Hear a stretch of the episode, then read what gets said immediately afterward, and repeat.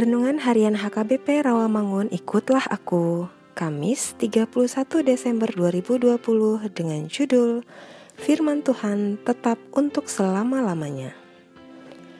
Epistel bagi kita hari ini tertulis dalam Mazmur 119 ayat 89 sampai 96 dan kebenaran firman yang menjadi ayat renungan kita hari ini ialah 1 Petrus 1 ayat 22 sampai 25 karena kamu telah menyucikan dirimu oleh ketaatan kepada kebenaran, sehingga kamu dapat mengamalkan kasih persaudaraan yang tulus ikhlas, hendaklah kamu bersungguh-sungguh saling mengasihi dengan segenap hatimu.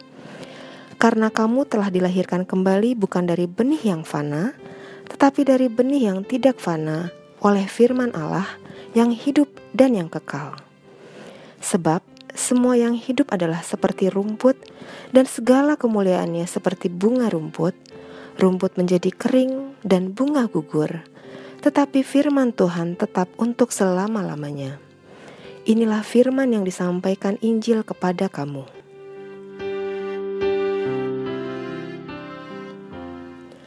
Setiap akhir tahun, biasanya kita akan punya refleksi untuk tahun yang akan kita lewati dan harapan untuk tahun depan. Nats Evangelium hari ini mengingatkan apakah kita sudah taat pada kebenaran firman Tuhan dan mengamalkan kasih persaudaraan ke sesama kita, baik itu yang seiman dengan kita maupun yang tidak seiman dengan kita di dalam tahun ini. Tahun ini kita mengalami masa pandemi COVID-19 yang membuat kita tidak dapat berkumpul dengan keluarga dan teman dikarenakan protokol kesehatan yang mengharuskan kita untuk menjaga jarak, bahkan pembatasan untuk beribadah.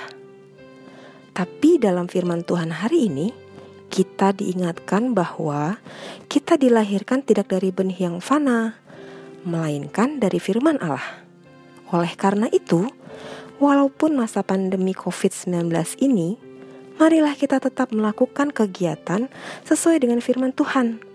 Karena firman Tuhan itu tetap untuk selama-lamanya. Semoga di tahun depan Tuhan masih memberikan kita waktu untuk bertemu dan berkumpul dengan saudara, teman, dan kolega untuk bisa bersekutu, memuji, dan memuliakan namanya. Selamat tahun baru 2021. Mari kita berdoa.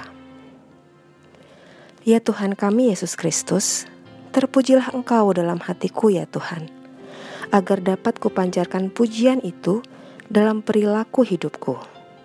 Amin.